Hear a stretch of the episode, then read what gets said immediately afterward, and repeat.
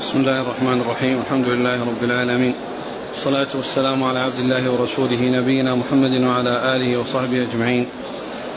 أما بعد فيقول أمير المؤمنين في الحديث أبو عبد الله محمد بن إسماعيل البخاري رحمه الله تعالى يقول في كتابه الجامع الصحيح باب يهوي بالتكبير حين يسجد. وقال نافع كان ابن عمر يضع يديه قبل ركبتيه. قال حدثنا أبو اليمان قال حدثنا شعيب عن الزهري قال أخبرني أبو بكر بن عبد الرحمن بن الحارث بن هشام وأبو سلمة بن عبد الرحمن أن أبا هريرة رضي الله عنه كان يكبر في كل صلاة من المكتوبة وغيرها في رمضان وغيره فيكبر حين يقوم ثم يكبر حين يركع ثم يقول سمع الله لمن حمده ثم يقول ربنا ولك الحمد قبل أن يسجد.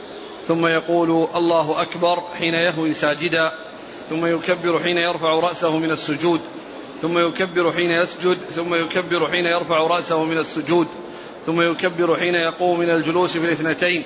ويفعل ذلك في كل ركعة حتى يفرغ من الصلاة. ثم يقول حين ينصرف والذي نفسي بيده إني لأقربكم شبها بصلاة رسول الله صلى الله عليه وسلم إن كانت هذه لصلاته إن كانت هذه لصلاته حتى فارق الدنيا. قال قال وقال أبو هريرة رضي الله عنه وكان رسول الله صلى الله عليه وسلم حين يرفع رأسه يقول سمع الله لمن حمده ربنا ولك الحمد. يدعو لرجال فيسميهم بأسمائهم فيقول اللهم أنجي الوليد بن الوليد. وسلمة بن هشام وعياش بن أبي ربيعة والمستضعفين من المؤمنين. اللهم اشدد وطأتك على مضر واجعلها عليهم سنين كسني يوسف وأهل المشرق يومئذ من مضر مخالفون له. بسم الله الرحمن الرحيم. الحمد لله رب العالمين وصلى الله وسلم وبارك على عبده ورسوله نبينا محمد وعلى آله وأصحابه أجمعين. أما بعد يقول الإمام البخاري رحمه الله باب يكبر حين يهوي للسجود. المقصود من هذه هذه هذه هذه هذه الترجمة وما بعدها تتعلق بالسجود وبمباحث السجود. وذكر في هذه الترجمة أن التكبير يكون عند الهوي للسجود فلا يكون وهو قائم يعني بعد الركوع ثم يهوي بعد أن يكبر. ولا أن يهوي دون غير مكبر وإذا وصل الأرض كبر وإنما يكبر في حال هويه يعني في حال انحطاطه ونزوله إلى الأرض للسجود يحصل منه التكبير. يعني أنه يكون في حال الانتقال من كونه قائما إلى كونه ساجدا يكون بين الركنين ركن القيام بعد الركوع وركن السجود. فيكون التكبير في هذه في هذه الحال التي هي حال الهوي وهو الانحطاط للأرض للسجود. فيقول الله أكبر حين يهوي للسجود. ثم ذكر هذا الأثر عن ابن عمر رضي الله تعالى عنهما أنه كان أنه كان يقدم يديه قبل ركبتيه. كان يقدم يديه قبل ركبتيه. يعني هذا الأثر أتى به للكيفية التي يكون فيها النزول إلى الأرض وفي حال سجوده وأنه يقدم يديه قبل ركبتيه. وهذه المسألة التي هي تقديم اليدين على الركبتين أو الركبتين على اليدين جاء فيها أحاديث آه، صحها أو حسن آه، تقديم اليدين على الركبتين بعض أهل العلم وصحح أو حسن تقديم الركبتين على اليدين بعض أهل العلم و وقد آه، وقد ذكر شيخ الإسلام ابن تيمية أن تقديم اليدين على الركبتين أو الركبتين على اليدين أن هذا جائز باتفاق العلماء وإنما الخلاف بينهم في الأولى. هل الأولى أن يقدم الركبتين على اليدين أو يقدم اليدين على الركبتين؟ الخلاف إنما هو في الأولى.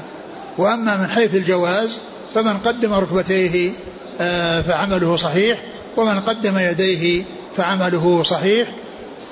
ولكن آه، وكل من أصحاب القولين يقولون إن آه، الهيئة التي آه، اختاروها تخالف هيئة البعير بروك البعير. تخالف هيئة بروك البعير.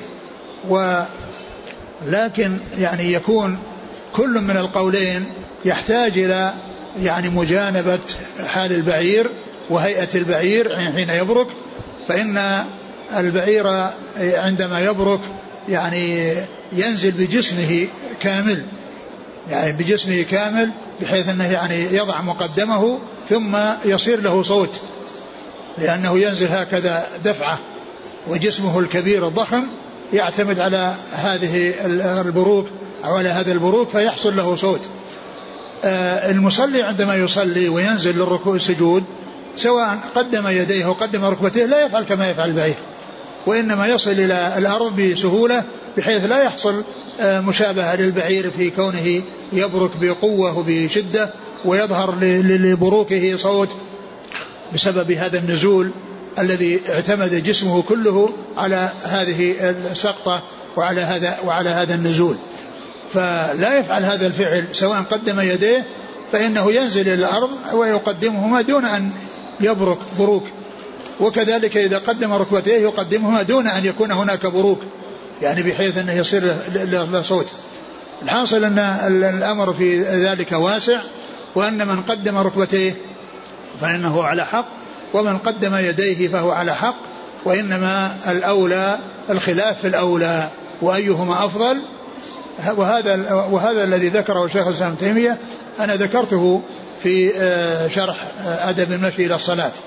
وذكرت يعني آه، كلام أهل العلماء أهل العلم في ذلك وأن وأن شيخ الإسلام تيمية قال هذا القول وهو في مجموع فتاواه وهو فيه أن التقديم لهذا أو لهذا كل ذلك جائز باتفاق أهل العلم وإنما الخلاف بينهم في في, في, في الأولى. الذين قالوا بالجواز استدلوا بتقديم اليدين استدلوا بحديث أبي هريرة وفيه تقديم اليدين على الركبتين وكذلك فعل ابن عمر هذا الذي ذكره البخاري. وكذلك أيضا الذين قالوا بالجواز استدلوا بحديث وائل بن حجر أنه كان يقدم ركبتيه أنه كان يقدم ركبتيه. والأمر كما قلت يعني في ذلك واسع. ثم ذكر حديث أبي هريرة قال أن أبا هريرة كان يكبر في كل صلاة من المكتوبة وغيرها في رمضان وغيره. فيكبر حين يقوم. يعني أن أبا هريرة كان يكبر في صلاته سواء فريضة أو نافلة في رمضان أو غيره فكان يكبر يعني حين يقوم يعني حين يدخل في الصلاة ويكبر حين يهوي للركوع ويكبر حين يهوي للسجود ويكبر حين يرفع من السجود السجدة الأولى ثم يكبر للسجدة الثانية حين يسجد ثم يكبر يعني حين يرفع ثم يكبر حين القيام من الركعتين إلى الركعة الركعة الثالثة إذا كانت ثلاثية أو رباعية. فكان يعني يكبر و ويقول إنه أشبه أنه اشبه بصلاة رسول الله صلى الله عليه وسلم. وهذا يقوله أبو هريرة ويقوله غيره من الصحابة يريدون من ذلك يعني حث الناس على تلقي هذه السنة وأخذها عنه وأنه تلقاها من رسول الله صلى الله عليه وسلم. يعني هذا التعبير كون الواحد يقول أنا أشبه وأنا أقرب يعني يريدون من وراء ذلك الحث لمن يسمع يعني منهم ولمن يتلقى الحديث عنهم أن آه، يأخذوا وأن يستندوا إلى ما جاء عنهم لأن هذا من كمال نصحهم وكمال آه، حرصهم على أن يبلغوا سنن رسول الله صلى الله عليه وسلم كما أخذوها منه. وهم يحرصون على أخذها منه ويتيقظون ويتمكنون ويطمئنون إلى سلامة ما يأخذونه ثم يحرصون على أن يؤدوا إلى غيرهم كما سمعوا من رسول الله صلى الله عليه وسلم.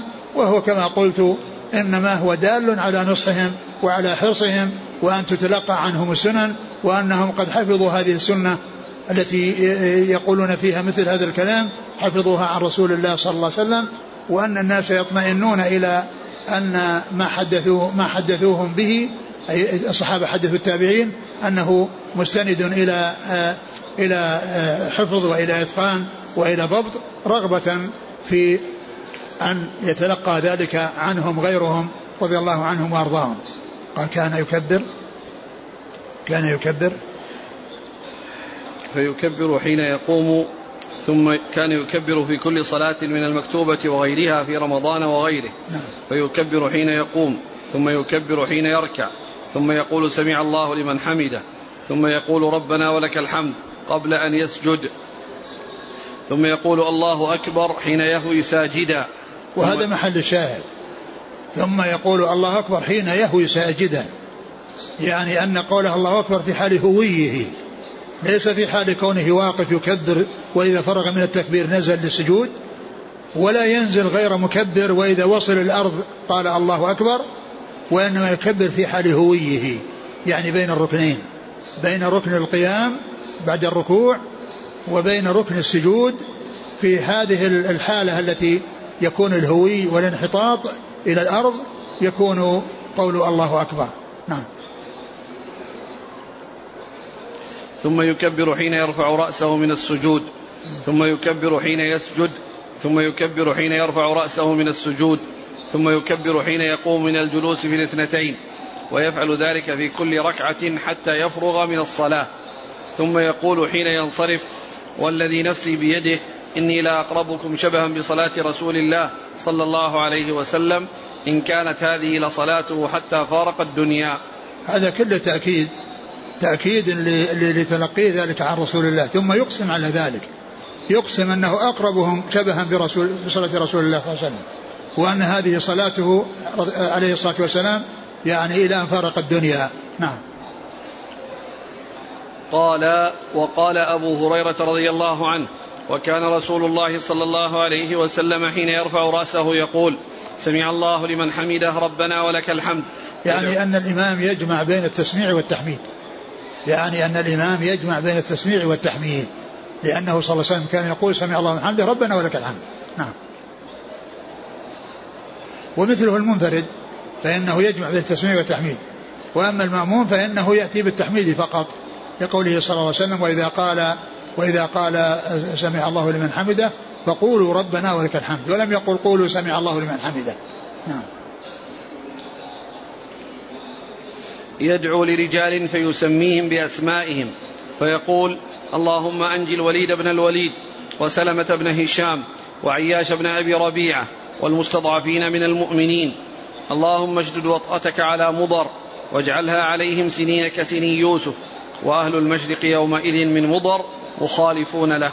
ثم ذكر القنوت الذي كان يفعله صلى الله عليه وسلم في النوازل وكان هذا بعد الركعة الأخيرة بعد الركوع من الركعة الأخيرة فكان يقنت يدعو لأناس من المؤمنين من المستضعفين ويدعو على أناس آذوهم ويعني حصل منهم الأذى لهم.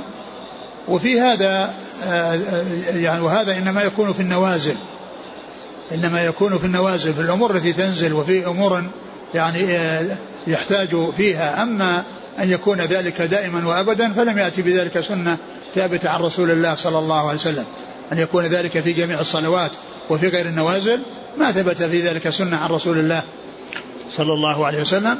وفي ذلك خلاف بين أهل العلم منهم من, من يقول بأنه آه، بأنه يحصل القنوت في صلاة الفجر و ومثل هذا من الخلاف الذي إذا صلى الإنسان وراء من يفعل فإنه يتابعه ولا يترك الصلاة وراءه لأنه كان يحصل منه القنوت يعني المستمر بل الجماعة يحرص عليها ولو حصل فيها هذا الشيء الذي في فيه يعني خلاف وفيه يعني دليل يعني آه يعني مال إليه بعض أهل العلم. ف وفيه دليل على أنه يجوز أن يسمى في الصلاة عند الدعاء أسماء أشخاص. الرسول كان يقول اللهم انجي الوليد الوليد و و ويدعو على أناس بأسمائهم. فإذا ذكر الاسم أو دعي لشخص باسمه في الصلاة فإن ذلك سائر لا بأس به. جاء ذلك عن رسول الله عليه الصلاة والسلام في هذا الدعاء الذي هو دعاء القنوت. ثم قال اللهم اشهد وطك على مضر. مضر يعني آه، كفار من كفار مضر وهم كانوا في المشرق يعني في ذلك الوقت يعني لم يدخلوا في الإسلام وكانوا شديدين على أهل الإسلام. ولهذا في وفد عبد القيس بني عبد القيس لما جاءوا إلى الرسول عليه الصلاة والسلام في أول الأمر وقالوا يا رسول الله إننا لا نستطيع أن نأتي إليك إلا في شهر حرام وبيننا وبينك هذا الحي من كفار مضر. ف يعني فمرنا بأمر نعمل به ونخبر به من وراءنا. فإنه قال قال هنا وأهل المشرق من في من مضر يعني معناه أنهم في الطريق بين عبد القيس وبين عبد القيس بن ربيعة وبين مضر. ومضر وربيعة يعني هم أبناء نزار بن معد بن عدنان. لأن ربيعة ومضر أبناء نزار بن معد بن عدنان. يعني في أعلى نسب الرسول صلى الله عليه وسلم. يعني وقريبا من نهايته إلى عدنان لأن مضر وربيعة أبناء نزار بن معد بن عدنان. أبناء نزار بن معد بن عدنان. و ف آه، يعني آه، آه، يعني لما ذكر مضر والدعاء عليهم وأنهم كانوا يعني فيهم الأذى وفيهم الإيذاء للمسلمين وكانوا يؤذون يعني عبد القيس اللي هم الربيعة وكانوا في طريقهم إلى المدينة. ولهذا قالوا إنا لا نصل إليك إلا في شهر حرام.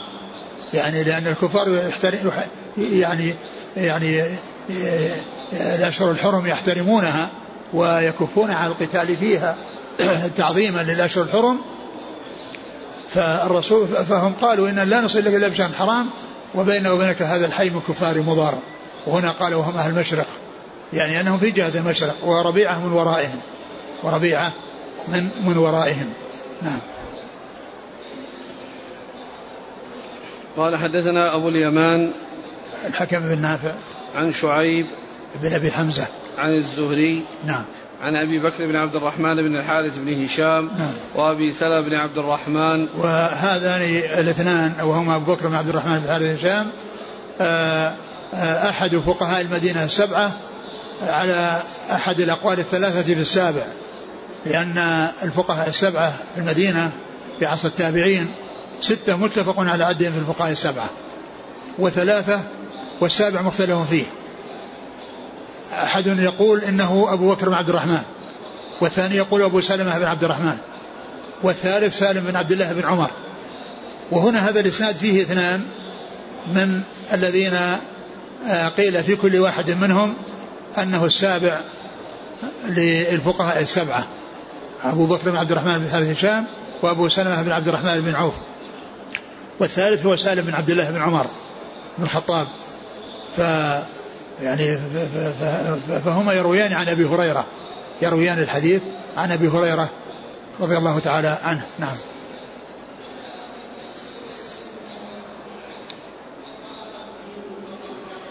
قال حدثنا علي بن علي بن عبد الله قال حدثنا سفيان غير مرة عن الزهري أنه قال سمعت أنس بن مالك رضي الله عنه يقول سقط رسول الله صلى الله عليه وسلم عن فرس وربما قال سفيان من فرس فجحش شقه الأيمن فدخلنا عليه نعوده فحضرت الصلاة فصلى بنا قاعدا وقعدنا وقال سفيان مرة صلينا قعودا فلما قضى الصلاة قال إنما جعل الإمام ليؤتم به فإذا كبر فكبروا وإذا ركع فاركعوا وإذا رفع راسه وإذا رفع فارفعوا وإذا قال سمع الله لمن حمده فقولوا ربنا ولك الحمد وإذا سجد فاسجدوا قال سفيان كذا جاء به معمر قلت نعم قال لقد حفظ كذا قال الزهري ولك الحمد حفظت من شقه الأيمن فلما خرجنا من عند الزهري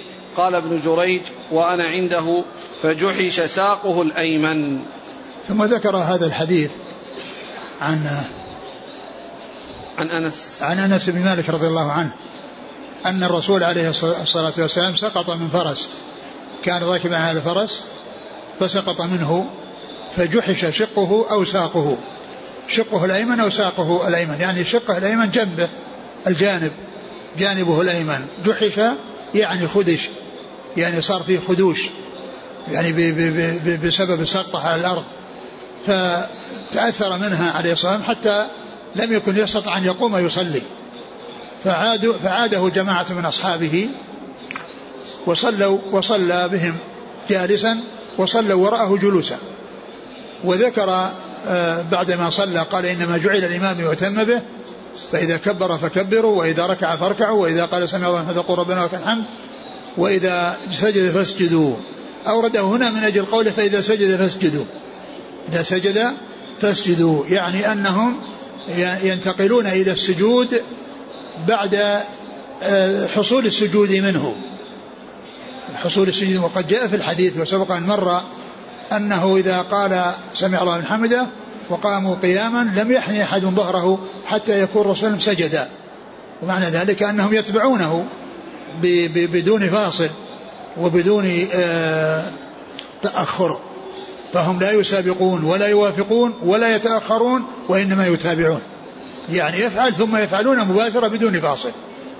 فهنا محل الشاهد من راد الحديث وقوله وإذا سجد فاسجدوا. يعني معناه أنهم يهوون للسجود إذا حصل منه السجود واستقر في السجود. إذا حصل من السجود واستقر في السجود فإنهم يهوون. وهذا إذا كانوا يشاهدونه وأما إذا كانوا يسمعون صوته ولا يشاهدونه فإنهم إذا انقطع صوته بالتكبير للسجود يحصل منهم الهوي إلى السجود. نعم. وإذا سجد فاسجدوا. وإذا قال سفيان كذا جاء به معمر. قلت نعم. نعم يعني يسأل سؤال كذا جاء به معمر قلت نعم نعم. قال لقد حفظ كذا قال الزهري ولك الحمد. نعم. حفظت من شقه الأيمن. يعني ولك الحمد يعني أنها يعني هناك في الأول قال ربنا لك الحمد في الأول؟ فقولوا ربنا ولك الحمد. نعم ربنا ولك الحمد يعني أنه بالواو. وسبق أن ذكرت في درس مضى أنه جاءت أربع صيغ يعني فيها اللهم ربنا ولك الحمد. فيه اللهم وفيه الواو. وفيه اللهم ربنا لك الحمد بدون واو. وفيه ربنا لك الحمد بدون اللهم وبدون واو. وفيه ربنا ولك ربنا ولك الحمد بواو وبدون اللهم. هذه أربع صيغ كلها جاءت في صحيح البخاري وأولاها أن يقال اللهم ربنا ولك الحمد التي هي أكمل. اللهم ربنا ولك الحمد. نعم.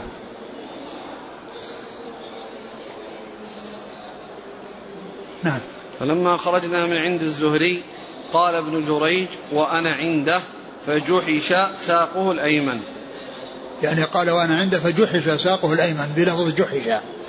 وجحش يعني آه يعني هنا يعني ذكر ذكر الشق وذكر الساق. يعني ذكر آه، مرة الساق ومرة الجنب الجنب أو الشق. ولا تنافي بينهما لأن يعني لأن الساق يعني من جهة الشقة الأيمن. يعني سواء ساق أو يعني آه، أو أنها يعني آه، وسطه أو أي مكان ولكنه من الشق الأيمن وليس من الشق الأيسر. نعم. قال حدثنا علي بن عبد الله ابن مديني عن سفيان بن عيينة. عن الزهري نعم. عن أنس بن مالك. نعم. قال رحمه الله تعالى باب فضل السجود. قال حدثنا أبو اليمان قال أخبرنا شعيب عن الزهري قال أخبرني سعيد بن المسيب وعطاء بن يزيد بن يزيد الليثي. أن أبا هريرة رضي الله عنه أخبرهما أن أن الناس قالوا يا رسول الله هل نرى ربنا يوم القيامة؟ قال هل تمارون في القمر ليلة البدر ليس دونه سحاب؟ قالوا لا يا رسول الله قال فهل تمارون في الشمس ليس دونها سحاب؟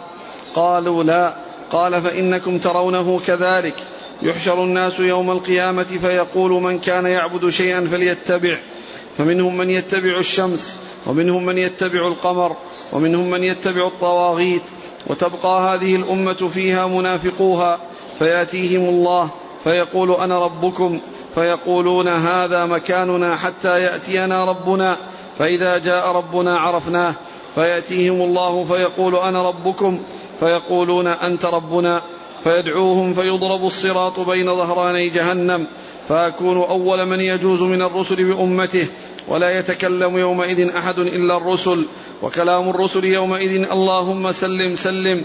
وفي جهنم كلاليب مثل شوك السعدان. هل رأيتم شوك السعدان؟ قالوا نعم. قال فإنها مثل شوك السعدان غير أنه لا يعلم قدر لا يعلم قدر عظمها إلا الله. تخطف الناس بأعمالهم. فمنهم من يوبق بعمله ومنهم من يخردل ثم ينجو حتى إذا أراد الله رحمة من أراد من أهل النار. أمر الله الملائكة أن يخرجوا من كان يعبد الله فيخرجونهم ويعرفونهم بآثار السجود.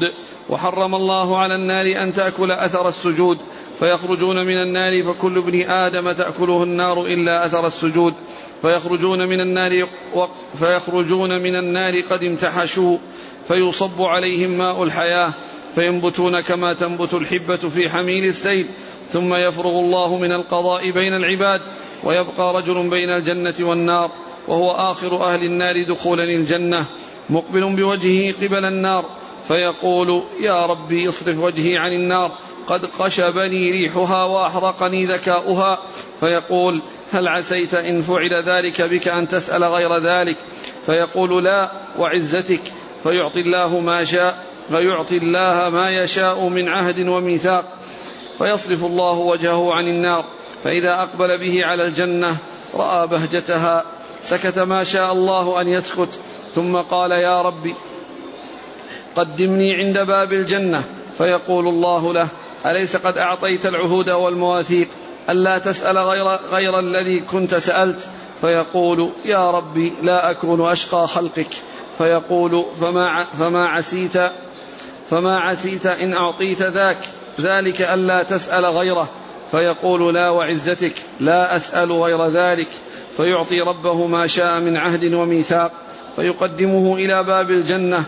فإذا بلغ بابها فرأى زهرتها وما فيها من النضرة والسرور. فيسكت ما شاء الله أن يسكت. فيقول يا رب أدخلني الجنة. فيقول الله ويحك يا ابن آدم. ما أغدرك. أليس قد أعطيت العهود والمواثيق ألا تسأل غير الذي اعطيت فيقول يا ربي لا تجعلني أشقى خلقك. فيضحك الله عز وجل منه ثم يأذن له في دخول الجنة. فيقول تمنى فيتمنى حتى إذا انقطع أمنيته. قال الله عز وجل من كذا وكذا أقبل أقبل يذكره ربه. حتى إذا انتهت به الأماني قال الله تعالى لك ذلك ومثله معه. قال أبو سعيد الخدري لأبي هريرة رضي الله عنهما إن رسول الله صلى الله عليه وسلم قال قال الله لك ذلك وعشرة أمثاله. قال أبو هريرة لم أحفظ من رسول الله صلى الله عليه وسلم إلا قوله لك ذلك ومثله معه. قال أبو سعيد إني سمعته يقول يقول ذلك لك يقول يقول ذلك لك وعشرة أمثاله. ثم ذكر قال باب فضل السجود. وورد في هذا الحديث الطويل الذي آه، فيه أن أن النار تأكل يعني من يدخل فيها وأنها يعني وأنه يسلم أثر السجود الذي هو قيل فيه أنه ما يكون على الجبهة. من من من من, من أثر السجود على الأرض. وقيل إنه الأعضاء السبعة التي هي الوجه واليدان والركبتان وأطراف القدمين. أورد هذا الحديث الطويل في ثلاثة مواضع من صحيحه. أورده هنا في بيان فضل السجود من أجل هذه الجملة التي أنه يعني آآ آه، آآ آه، أن النار تأكل آه، يعني تصيب الجسد من يلقى من يلقى فيها ومن يقع فيها وأنها لا تأكل أماكن السجود. يعني مبين أن هذا من فضل السجود وهذا محل الشاهد من هذا الحديث. وأورده في كتاب الرقاق عند نصب الجسر على متن جهنم. وأورده في كتاب التوحيد عند وجوه يومئذ ناظرة إلى ربها ناظرة. وهو حديث طويل مشتمل على أمور متعددة فيما يتعلق باليوم الآخر. وأوله أن الصحابة رضي الله عنهم قالوا هل نرى ربنا يوم القيامة؟ هل نرى ربنا يوم القيامة؟ ورؤية الله عز وجل إنما تكون في الدار الآخرة ولا تكون في الدار الدنيا لأن الله عز وجل شاء ألا تحصل في الدنيا وأن يكون حصولها إنما هو في الآخرة. وذلك أن رؤية الله أكمل نعيم يكون في الدار الآخرة وشاء الله عز وجل لا يحصل في الدنيا لأنه لو حصل في الدنيا لكان نعيم الآخرة أو أكمل نعيم في الآخرة حصل في الدنيا.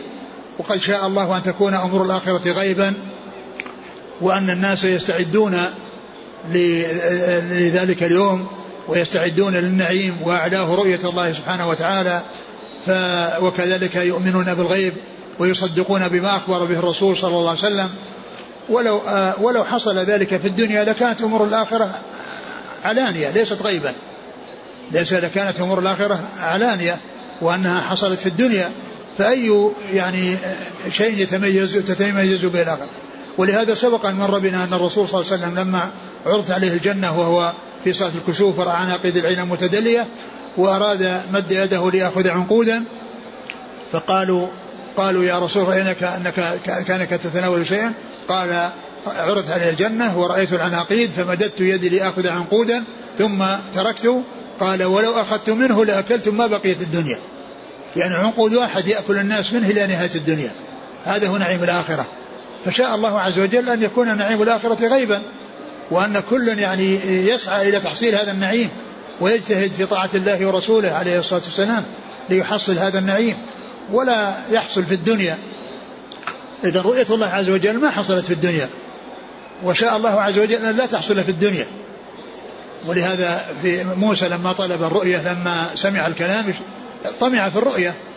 ولما سمع كلام الله من الله أراد أن يراه. فقال له لن تراني. يعني لن تراني يعني في الدنيا. وأما الآخرة فإنه يرى. وقد جاء في صحيح مسلم عن رسول الله عليه الصلاة والسلام أنه قال إنكم لن تروا ربكم حتى تموتوا. إنكم لن تروا ربكم حتى تموتوا. يعني أن رؤية الله عز وجل إنما تكون في الدار الآخرة ولا تكون في, في, في, في, في الدنيا. لما سألوه قال قال عليه السلام هل آه، ترون القمر ليلة البدر؟ أو ليس دونه سحاب والشمس ليس دونها سحاب؟ هل تشكون أو تضامون؟ قالوا لا. قال فإنكم ترون ربكم كما ترون القمر وكما ترون الشمس. والمقصود بهذا التشبيه تشبيه الرؤية بالرؤية لا المرئي بالمرئي. تشبيه رؤية الناس للقمر في الدنيا والشمس في الدنيا وأنها محققة برؤية برؤيتهم لله في الآخرة وأنها محققة. لا تشبيه القمر بالله أو تشبيه الشمس بالله فإن الله لا يشبه شيء من خلقه سبحانه وتعالى. ليس كمثله شيء هو السميع البصير. إذا هذا التشبيه ليس للمرئي بالمرئي المرئي الذي هو القمر والشمس بالمرئي الذي هو الله المرئي الذي في الدنيا الشمس والقمر والمرئي في الآخرة الذي هو الله. آه، آه، ليس هذا تشبيه لله للشمس والقمر بالله وإنما تشبيه بالرؤية المحققة في الدنيا وأنها تتحقق في الآخرة رؤية الله. كما أن هذه محققة فرؤية الله محققة. آه ثم ذكر بعد ذلك يعني الناس يحشرون وأنهم يحصل لهم يعني أمور مذهلة يعني في في الدار الآخرة وأنه آه، آه، يحصل آه، أن كل أمة تتبع من كانت تعبد أو كل الناس من يعبد وتبقى يعني هذه الأمة وفيها منافقوها فيأتيهم الله عز وجل فيقول أنا ربكم فيقولون نحن ننتظر ربنا. فإذا جاءهم على الصفة التي كانوا عرفوه بها وكانوا قد رأوه قبل ذلك يعني في آه، ولعل ذلك في عرصات القيامة آه، آه، حتى حتى يأتيهم. فإذا جاءهم قالوا نعم أنت ربنا فيتبعونه ثم ينصب الصراط على متن جهنم ويمر الناس عليه. وفيه كلاليب يعني مثل شوك السعدان يعني أنها تمسك الناس وتخدش الناس. وشوك السعدان يعني هو معروف في البادية على شكل مستدير على مثل رأس طرف الإصبع وفي آه، جوانبه آه، أشواك. يعني آه، في جوانبه أشواك. فالرسول عليه السلام قال إن أنها مثل شوك السعدان ولكن لا يعلم قدره إلا الله. لأن شوك السعدان على مقدار طرف الإصبع وتلك كبيرة يعني وعظيمة لا يعلم عظمها وحجمها إلا الله عز وجل. والرسل على الصراط يقولون اللهم سلم سلم اللهم سلم سلم لأن الناس يمرون على الصراط بأعمالهم. فمن الناس من ينجو ويمر كلمح البصر ومنهم يمر كالبرق ومنهم من يمر كجاود الخيل ومنهم من يشمي يمشي مشيا ومنهم من يزحف زحفا ومنهم من يقع. يقع في النار. ومن وقع في النار من أهل التوحيد فإنه لا يبقى في النار أبدا وإنما يخرج منها ويدخل الجنة. ولو آه، بقي فيها ما بقي. ولو طالت مدته لكنه لا يخلد فيها قلود الكفار. ومحل الشاهد من هذا أنهم يعني أنها تأكل أجسامهم وأنها لا تأكل مواضع السجود وهذا هو محل الشاهد من إيراد الحديث. وقول الأنبياء عليهم الصلاة والسلام اللهم سلم سلم هذه شفاعة لمن استحق النار لا يدخلها. شفاعة لمن استحق النار ألا يدخلها. لأن أنواع الشفاعات متعددة ومنها من استحق النار ألا يدخلها وهذا هو دليله. لأن هؤلاء يمرون على الصراط والرسول يقول اللهم سلم سلم. يعني سلم من كان مستحق للنار أن يسلم. وأن يتجاوزها بعفو الله وتجاوز الله عز وجل عنه. وهذا هو الدليل على أن من استحق النار لا يدخلها. الشفاعة في من استحق النار لا يدخلها يعني دليله اللهم سلم سلم. وابن القيم رحمه الله لما ذكر الشفاعات في كتابه تهذيب السنن وذكر هذه الشفاعة قال لا يحضرني دليل على هذه الشفاعة. لا يحضرني دليل على هذه الشفاعة وهذا هو الدليل عليها. وهو قول الأنبياء اللهم سلم سلم. لأنها شفاعة في من استحق النار لا يدخل النار. لأنهم يسعون الصراط ويسألون الله عز وجل أن يسلم المارين. يعني معناها الذين الذين يستحقون الدخول. يعني يشفع لهم. آه ثم ذكر يعني بعد بقية الحديث والحديث يأتي في كتاب الرقاق ويأتي في كتاب التوحيد لأنه ذكره في ثلاث مواضع مطولا. وهذا أولها. نعم. قال حدثنا أبو اليمان الحكم بن نافع. عن شعيب بن أبي حمزة. عن الزهري نعم. عن سعيد بن المسيب وعطاء نعم بن يزيد الليثي. نعم. عن أبي هريرة. نعم. وكذلك مثله أبو سعيد كما جاء في آخر الحديث أنه قال إنه يعني آه أن أن أن هذا الذي يدخل الجنة آخر من يدخل ويقال له تملنا يعني أبو هريرة حفظ أنه آه مثله مثل ما تمنى وأبو سعيد حفظ بأنه آه عشرة أمثاله. أمثال ما تمنى. نعم. قال رحمه الله تعالى باب يبدي ضبعيه ضبعيه ضبعيه ويجافي في السجود. قال حدثنا يحيى بن بكير قال حدثني بكر بن مضر عن جعفر عن ابن هرمز عن عبد الله بن مالك بن بحينة رضي الله عنه أن النبي صلى الله عليه وسلم كان إذا صلى فرج بين يديه حتى يبدو بياض إبطيه. وقال الليث حدثني جعفر بن ربيعة نحوه. ثم قال باب يبدي ضبعيه في حال سجوده. يعني معناه أنه يعني يبعد بيديه عن عن جنبيه. يعني معناه أنه عندما يسجد يضع يديه على الأرض ويعتمد على يديه وتكون يعني آآ آآ يعني قد جاف قد جاف يعني عضديه عن جنبيه. لم تلتصق.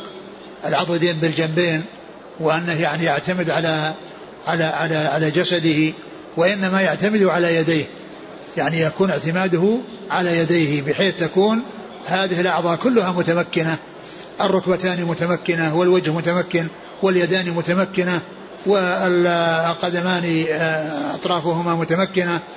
ف يعني معناها أنه يعني لا يلتصق بعضه ببعض ويلتئم بعضه مع بعض. وإنما يكون آه، تمكن من ركبتيه وتمكن يعني في وجهه وتمكن في يديه وتمكن في رجليه. ولكن يكون على وجه معتدل متوسط لأن بعض الناس يمكن أنه يعني عندما يسجد يعني يعني يمتد يعني يصير كأنه يكاد أن ينبطح على بطنه. ومنهم من يعني يركب بعضه بعض يصير يعني كتلة من اللحم بعضها فوق بعض. وقد سبق أن مر بنا الأثر عن ابن عمر قال لعلك من الذين يسجدون على أوراكهم يسجدون على أوراكهم يعني معناه أنهم يعني يعني أن يحصل منهم يعني هذا هذا الوصف الذي ليس طيب. وإنما الحق هو الوسط يعني بين هذا الذي يكاد يكون انبطاح وبين الذي يعني يكون يعني ركوب بعضه على بعض. فكان يجافي بين عضديه وبين ضبعيه والضبع والضبع هو يعني قيل أن المراد به آه، ما كان آه، أعلى العضد من جهة من من الداخل. يعني من من من, من, من الإبط أو أنه الإبط. ولهذا يقال في الحج الاطباع. إذا جعل الإنسان آه، رداءه أو طرف ردائه تحت إبطه اليمنى وألقى كتفه على اليسرى لأنه جعله في ضبعه. يعني جعل الرداء تحت إبط في إبطه يعني عند ضبعه ولهذا يقال الطباع مأخوذ من الضبع الذي هو هذا المكان الذي يكون فيه الرداء. آه ف يعني فهذه كيفية السجود أنه يكون متمكنا في سجوده ومعتمدا على أعضائه السبعة التي آه هي مواضع السجود أمرت بأسجد على سبعة أعضاء وهي الوجه الوجه واليدان والركبتان وأطراف القدمين. نعم. قال حدثنا يحيى بن بكير نعم. عن بكر بن مضر نعم. عن جعفر نعم. جعفر بن ربيعة. عن ابن هرمز نعم عبد الرحمن بن هرمز. عن عبد الر... عن عبد الله بن مالك بن بحينة. نعم. وقال الليث عن جعفر بن ربيعة نحوه. نعم وقال الليث عن جعفر بن ربيعة نحوه يعني نحو آه، الرواية السابقة يعني رواية رواية آه، الذي يروي آه، الليث يروي عن ذاك يروي عن من؟ اللي هو الأول؟ بكر بن مضر. بكر بن مضر يروي عن؟ جعفر. عن جعفر. وهذا؟ الليث. الليث يروي عن جعفر نعم. قال رحمه الله تعالى باب يستقبل بأطراف رجليه القبلة. قاله أبو حميد الساعدي رضي الله عنه عن النبي صلى الله عليه وسلم. ثم قال باب يستقبل بأطراف أصابعه القبلة أصابع رجليه. يعني معناه أنه عندما يسجد يعني يجعل أصابع رجليه متجهة القبلة يعني يثنيهما يعني حيث يتمكن من ذلك. وإذا ما كان متمكن يضعها على إذا كانت ما تنثني لا يكلف الله نفسا لا وسعها لكن إذا كانت تنثني فإنه يثنيها ويجعلها متجهة إلى القبلة إذا كان متمكنا. وقاله أبو حميد يعني في وصف صلاة الرسول صلى الله عليه وسلم. وحديث أبي حميد سيأتي وقد أشار إليه في بعض المواضع فيما مضى. وفي موضع تقدم الذي قال فيه أنه إذا رفع من الركوع حتى يستقر جالسا فيه مر بنا في الدرس الماضي. نعم. كلمة جالسا هذه جاءت في بعض النسخ في نسخة من النسخ. كان ذكر الحافظ بن حجر أنها في نسخة وبعض النسخ الاستواء بدون جالسا. وهذا هو الذي يطابق الترجمة من ناحية أنه القيام من الركوع يعني حتى يستقر قائما. وقد جاء في بعض الروايات حتى يستقر قائما. ولكنه ذكر هنا السجود يعني في هذه النسخة وهي يعني إما أن يكون المقصود بها أنها تشبه أن الركوع القيام بعد مثل السجود أو مثل جلسة بين السجدتين أو ولكن أكثر النسخ بدونها وهي التي آه، آه، مناسبة ولا إشكال فيها. نعم. قال رحمه الله تعالى باب إذا لم يتم السجود. قال حدثنا أصلت بن محمد قال حدثنا مهدي عن واصل عن أبي وائل عن حذيفة رضي الله عنه أنه رأى رجلا لا يتم ركوعه ولا سجوده. فلما قضى صلاته قال له حذيفة ما صليت؟ قال وأحسبه. قال ولو مت مت على غير مح على غير سنة محمد صلى الله عليه وسلم. ثم قال إذا لم يتم سجوده. وقد سبق ترجمة إذا لم يتم ركوعه. وذكر في حديث حذيفة هذا. وذكر في حديث حذيفة. ومثله أيضا مثل حديث المسيء في صلاته لأنه من جنسه.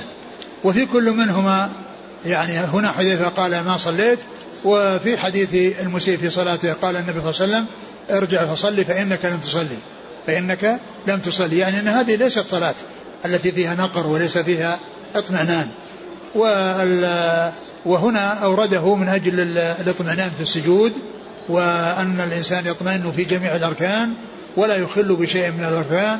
وقد عرفنا في الدرس الماضي أن الأمور الأركان أن أكثرها أفعال ولهذا لا بد فيها من من من من من, من الاتيان بها بخلاف الواجبات فإنها أكثرها أقوال. وليس فيها من الأفعال إلا الجلوس في التشهد الأول والباقي كله أقوال. الواجبات كلها أقوال والواجبات تجبر بسجود السهو والأركان لا تجبر بشيء بل لا بد من الاتيان بها.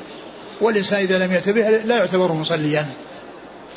والحديث سبق أن مر في باب إذا لم يتم آه، ركوعه. نعم. قال حدثنا الصلت بن محمد نعم.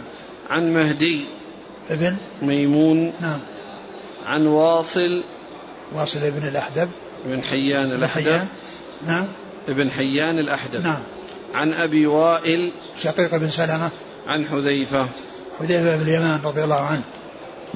قال رحمه الله تعالى باب السجود على سبعة أعظم. آه نقف يعني عند هذا الباب.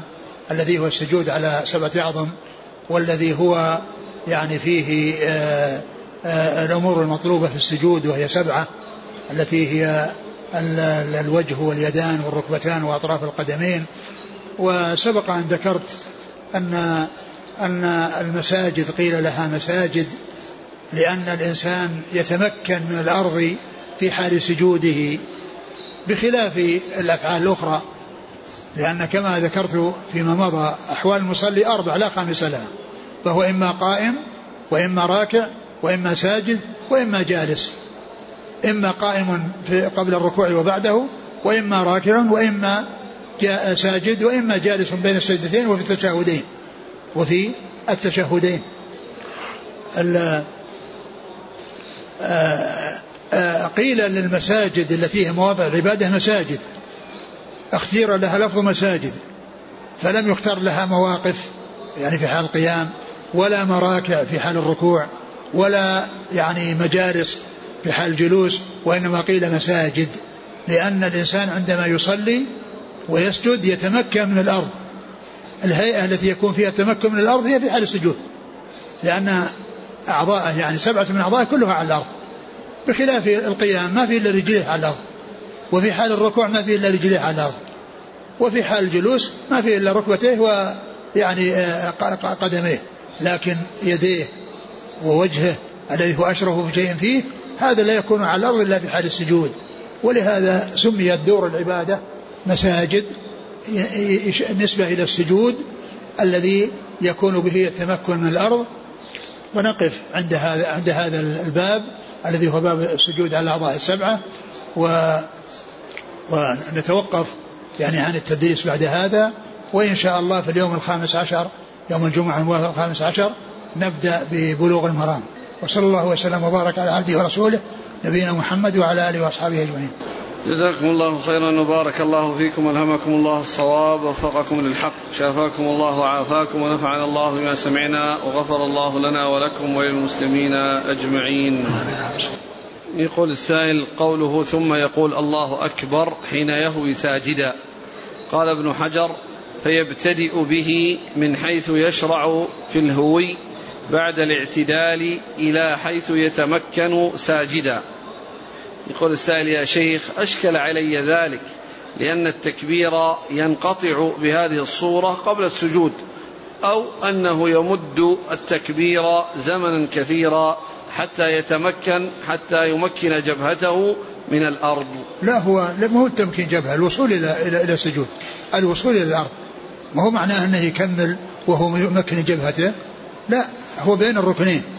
فيه سجود وقيام بعد الركوع كان قائما ثم بعده ساجدا.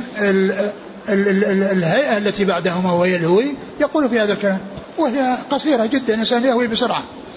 يقول آه، إذا كان صحت أحاديث وآثار في تقديم اليدين على الركبتين وتقديم الركبتين على اليدين فهل لنا أن نقول بأن النبي صلى الله عليه وسلم فعل هذا وفعل هذا؟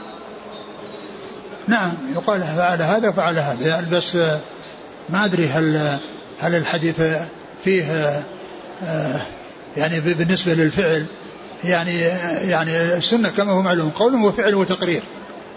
والذي يعني حصل في هذا أو في هذا يعني إما أن يكون الفعل والقول أو القول دون الفعل أو الفعل دون القول وكل منهما حق. المهم أن أن بعض أهل العلم صحح يعني حديث وائل بن حجر في تقديم الركبتين ومنهم من صحح حديث أبي هريرة في تقديم اليدين والأمر في ذلك واسع. لكن الذي آه، ذكرته من أجل الحرص على مخالفة هيئة البعير ألا يفعل كما يفعل البعير في هوية سواء قدم يديه أو قدم ركبتيه. لأن الإنسان إذا قدم يديه مثل ما يفعل البعير يصير اليديه صوت إذا وصلت الأرض. لأن جسمه كله نزل على يديه فطلع لها صوت. وإن قدم ركبتيه كذلك يطلع يصير ركبتيه صوت. لكن يعني المهم أنها ثابت ثبتت في السنة سواء كانت قولية أو فعلية. يقول هل في حالة السجود يضم الرجلين إلى نعم بعض جاء نعم جاء. جاء في بعض الأحاديث في تقريب الرجلين بعضهم من بعض. يقول آه، ذكرتم حفظكم الله أن التكبير يكون حال الهوي فهل يجوز تأخير التكبير إلى آخر الهوي للإمام لئلا يسبقه بعض المؤمنين؟ الذي ينبغي هو فعل ما يعني جاءت به السنة عن رسول الله صلى الله عليه وسلم. قال يكبر حين يهوي. يكبر حين يهوي. والمأمومون أنا قلت إما أن يروه فإذا وصل إلى الأرض هم يلحقونه وإما إن كانوا لا يرونه إذا انقطع صوته يلحقونه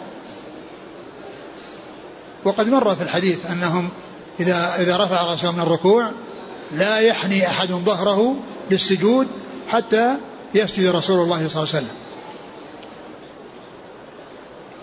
كيف يجمع بين دعاء النبي صلى الله عليه وسلم على بعض المشركين الذين آذوه وبين دعائه لبعض المشركين بالهداية والدخول في الإسلام؟ جاء هذا وجاء هذا. وكل ما جاء رسول الله حق.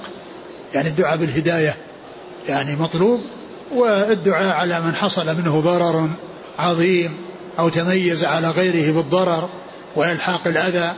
له, له يعني كل ذلك جاءت به السنة. فالرسول صلى الله عليه وسلم دعا لأناس بالهداية ودعا على أناس بأن يعاقبهم الله وأن ولهذا يعني هؤلاء الذين دعا عليهم الرسول صلى الله عليه وسلم يعني آه، حصل كثير منهم يعني قتلوا في بدر وألقوا في القليب كما جاءت بذلك السنة عن رسول الله صلى الله عليه وسلم. يقول ذكر الشاطبي في الموافقات أن من المواضع التي لا تمسها النار لا تمسها النار القلب. فهل يصح في ذلك شيء؟ لا أعرف شيئا في هذا.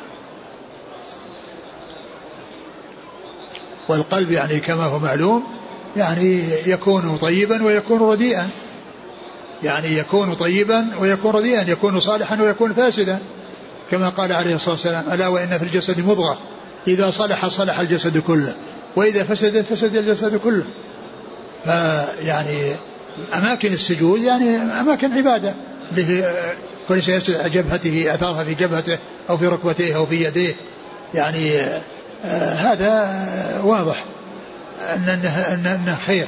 وأما القلب يعني يكون في خير وفي شر. يقول هل آخر أهل النار خروجا منها ودخولا في الجنة؟ هل آخر أهل النار الذي يخرج منها ويدخل الجنة؟ يكلم الله مباشرة ويراه. التكليم يكلم الله عز وجل لكن هل يراه ما ندري. يقول هل تحصل رؤية الله في المنام؟ وما ذكر عن الإمام أحمد أنه رأى الله في المنام عددا من بالنسبة المرات. للرسول صلى الله عليه وسلم قد حصل هذا منه في حديث اختصام الملأ الأعلى. وأما غيره الله أعلم. يقول هل يرى الله في عرصات يوم القيامة عند مجيئه لفصل القضاء؟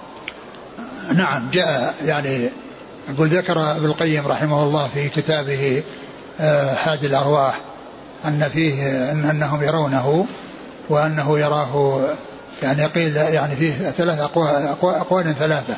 يراه المؤمنون ويقال يراه المؤمنون ويراه المنافقون ويراه الكفار أيضا. ثم بعد ذلك يعني آه، لا يراه بعد ذلك إلا المؤمنون إذا دخلوا الجنة.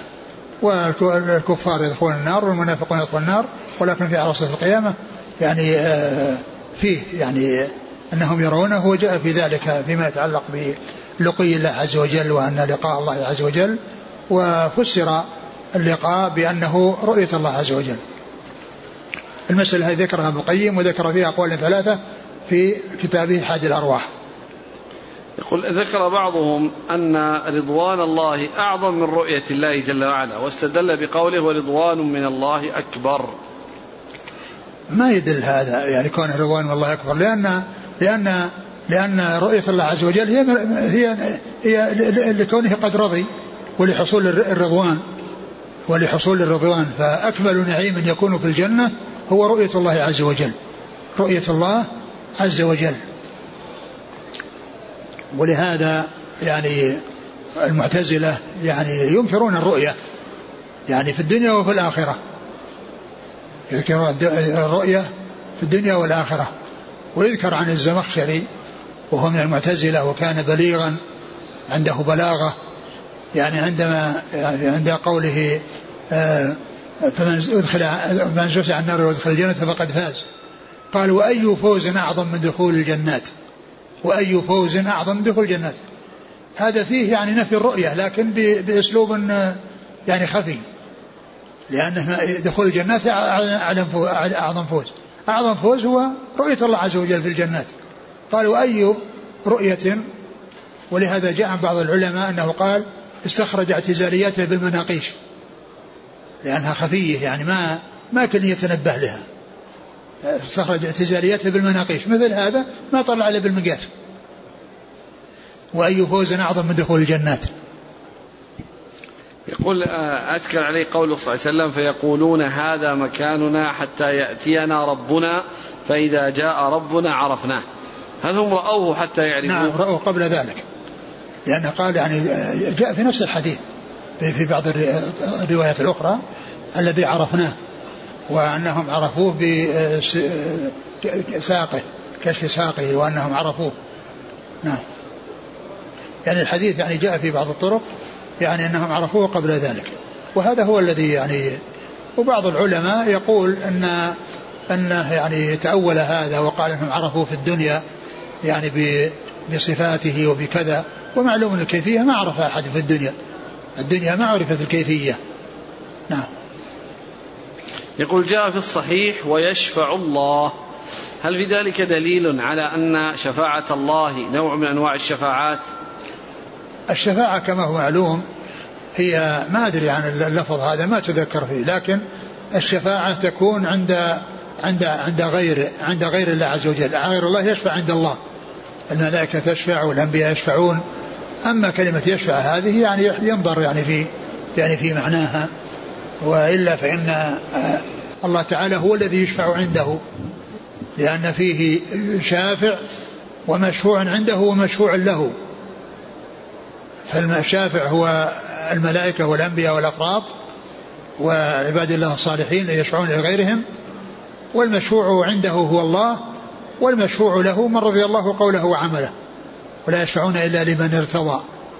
يقول آه، حكم هذا التعامل وهو أن شخصا قال يقول إذا قال التاجر لشخص أعطني مبلغا معينا أتاجر به وأعطيك كل شهر ثلاثة ألاف ريال. لا هذا ما يجوز لأن المتاجرة لا اللي هي المضاربة لا بد أن تكون بنسبة معلومة. بنسبة معلومة. يعني بيكون هذا النصف وهذا له النصف وهذا له النصف هذا له النصف مقابل عمله وهذا النصف مقابل ماله أو الشغل بماله. أما أن يقول له كل شهر كذا يعني معنى ذلك أنه قد يكون الربح كله 300 ريال أو مقدار معين فيستحقها أحدهما عن الآخر. والمضاربة مبنية على الاشتراك والشركة وأن كل منهم يستفيد. إن كان الربح قليلا يستفيد منه وإن كان كثيرا يستفيد منه. إذا قيل النصف سواء كان يعني مئة أو, أو آلاف يحصل النصف. لكن كونه يقول يعني ولهذا جاء المزارعة النهي عن الماذيانات وأقبال الجداول لأنه يمكن ما يحصل إلا هذا المكان فيختص به أحدهما عن الآخر. ولكن المزارعة والمضاربة مبنية على المشاركة ولكنها بنسبة معينة. قد تقل وقد تكثر يمكن يكون واحد له الثلثين واحد له الثلث واحد له الربع واحد له ثلاثة أرباع أو يكون سوى النصف والنصف وهكذا. فلا بد في المضاربة والمزارعة والمساقات من أن تكون على نسبة معينة. إن حصل شيء قليل أو كثير اشتركوا فيه وإن ضاع وإن لم يحصل شيء هذا ضاع عليه عمله وهذا ضاع عليه آآ آآ فلوسه أو نقوده التي قدمها. نعم. يعني إذا إذا خسرت خسرت التجارة وضاع المال بالخسارة فإن هذا ضاع عليه ماله وضاع عليه عمله يقول حفظك الله قمت بالحج وفي السعي تبين لي أني كنت أبدأ من المروة ليس من الصفا. ماذا علي؟ وقد جئت الآن لأداء عمرة. إذا كنت بدأت من المروة وختمت بالمروة يعني فعملك صحيح زدت زدت شيئا. مثل لو أن إنسانا يعني ظن أن السعي من الصفا إلى المر... إلى الصفا يصير أربعة عشر. فالسبعة الأولى هي هي هي, هي هذا والباقي غلط حصل يعني وعمل صحيح بالنسبة للسبعة الأولى. لكن إن كان أنه يعني بدأ بالمروة وختم بالصفا يعني معناه ذلك أنه نقص نقص شوط. يعني لابد يبدأ بالصفا ويختم بالمروة. يصير سبعة. يبدأ بالصفا ويختم بالمروة لأن ال ال الأشواط إلى الصفا أوتار من الصفا إلى المروة ومن المروة إلى الصفا أشفاع. يعني هو الأول والثالث والخامس والسابع هذه إلى المروة. ومن المروة إلى الصفا الثاني والرابع والسادس. فإذا كان أنه يعني حصل منه أنه أتى بالسبعة من الصفا إلى المروة وأن حصل في زيادة هذه الزيادة لا تضره. وإن كان أنه بدأ بالمروة ولكن بقي عليه سابع بقي عليه سابع. يعني بدأ بالمروة وانتهى بالصفا ولم يذهب إلى إلى المروة. يعني مرة مرة ثانية حتى يكون عنده يصير ثمانية. يصير ثمانية يصير واحد زايد. فإذا كان أن أن العدد السبعة موجود فلا يوجه يقول أحسن الله إليك طلب مني والدي العودة إلى بلاد الكفر لكني أخاف على نفسي وعلى ذريتي إذ لا يوجد مراكز إسلامية ولا مسجد ثابت فأي الحقين أقدم؟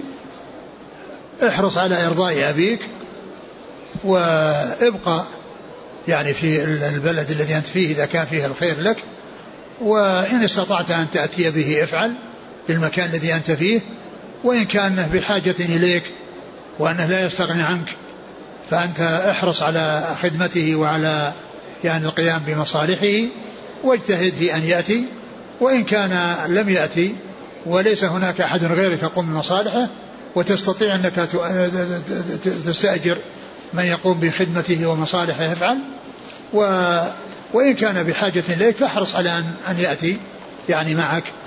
وإذا كان بقاءك هنا لطلب العلم فهذا شيء طيب وفائدته ترجع إليك وإليه والمصلحة لكما جميعا في العلم.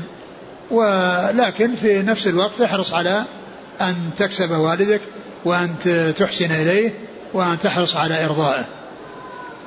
جزاكم الله خيرا. سبحانك الله وبحمدك أشهد أن لا إله إلا أنت أستغفرك وأتوب إليك.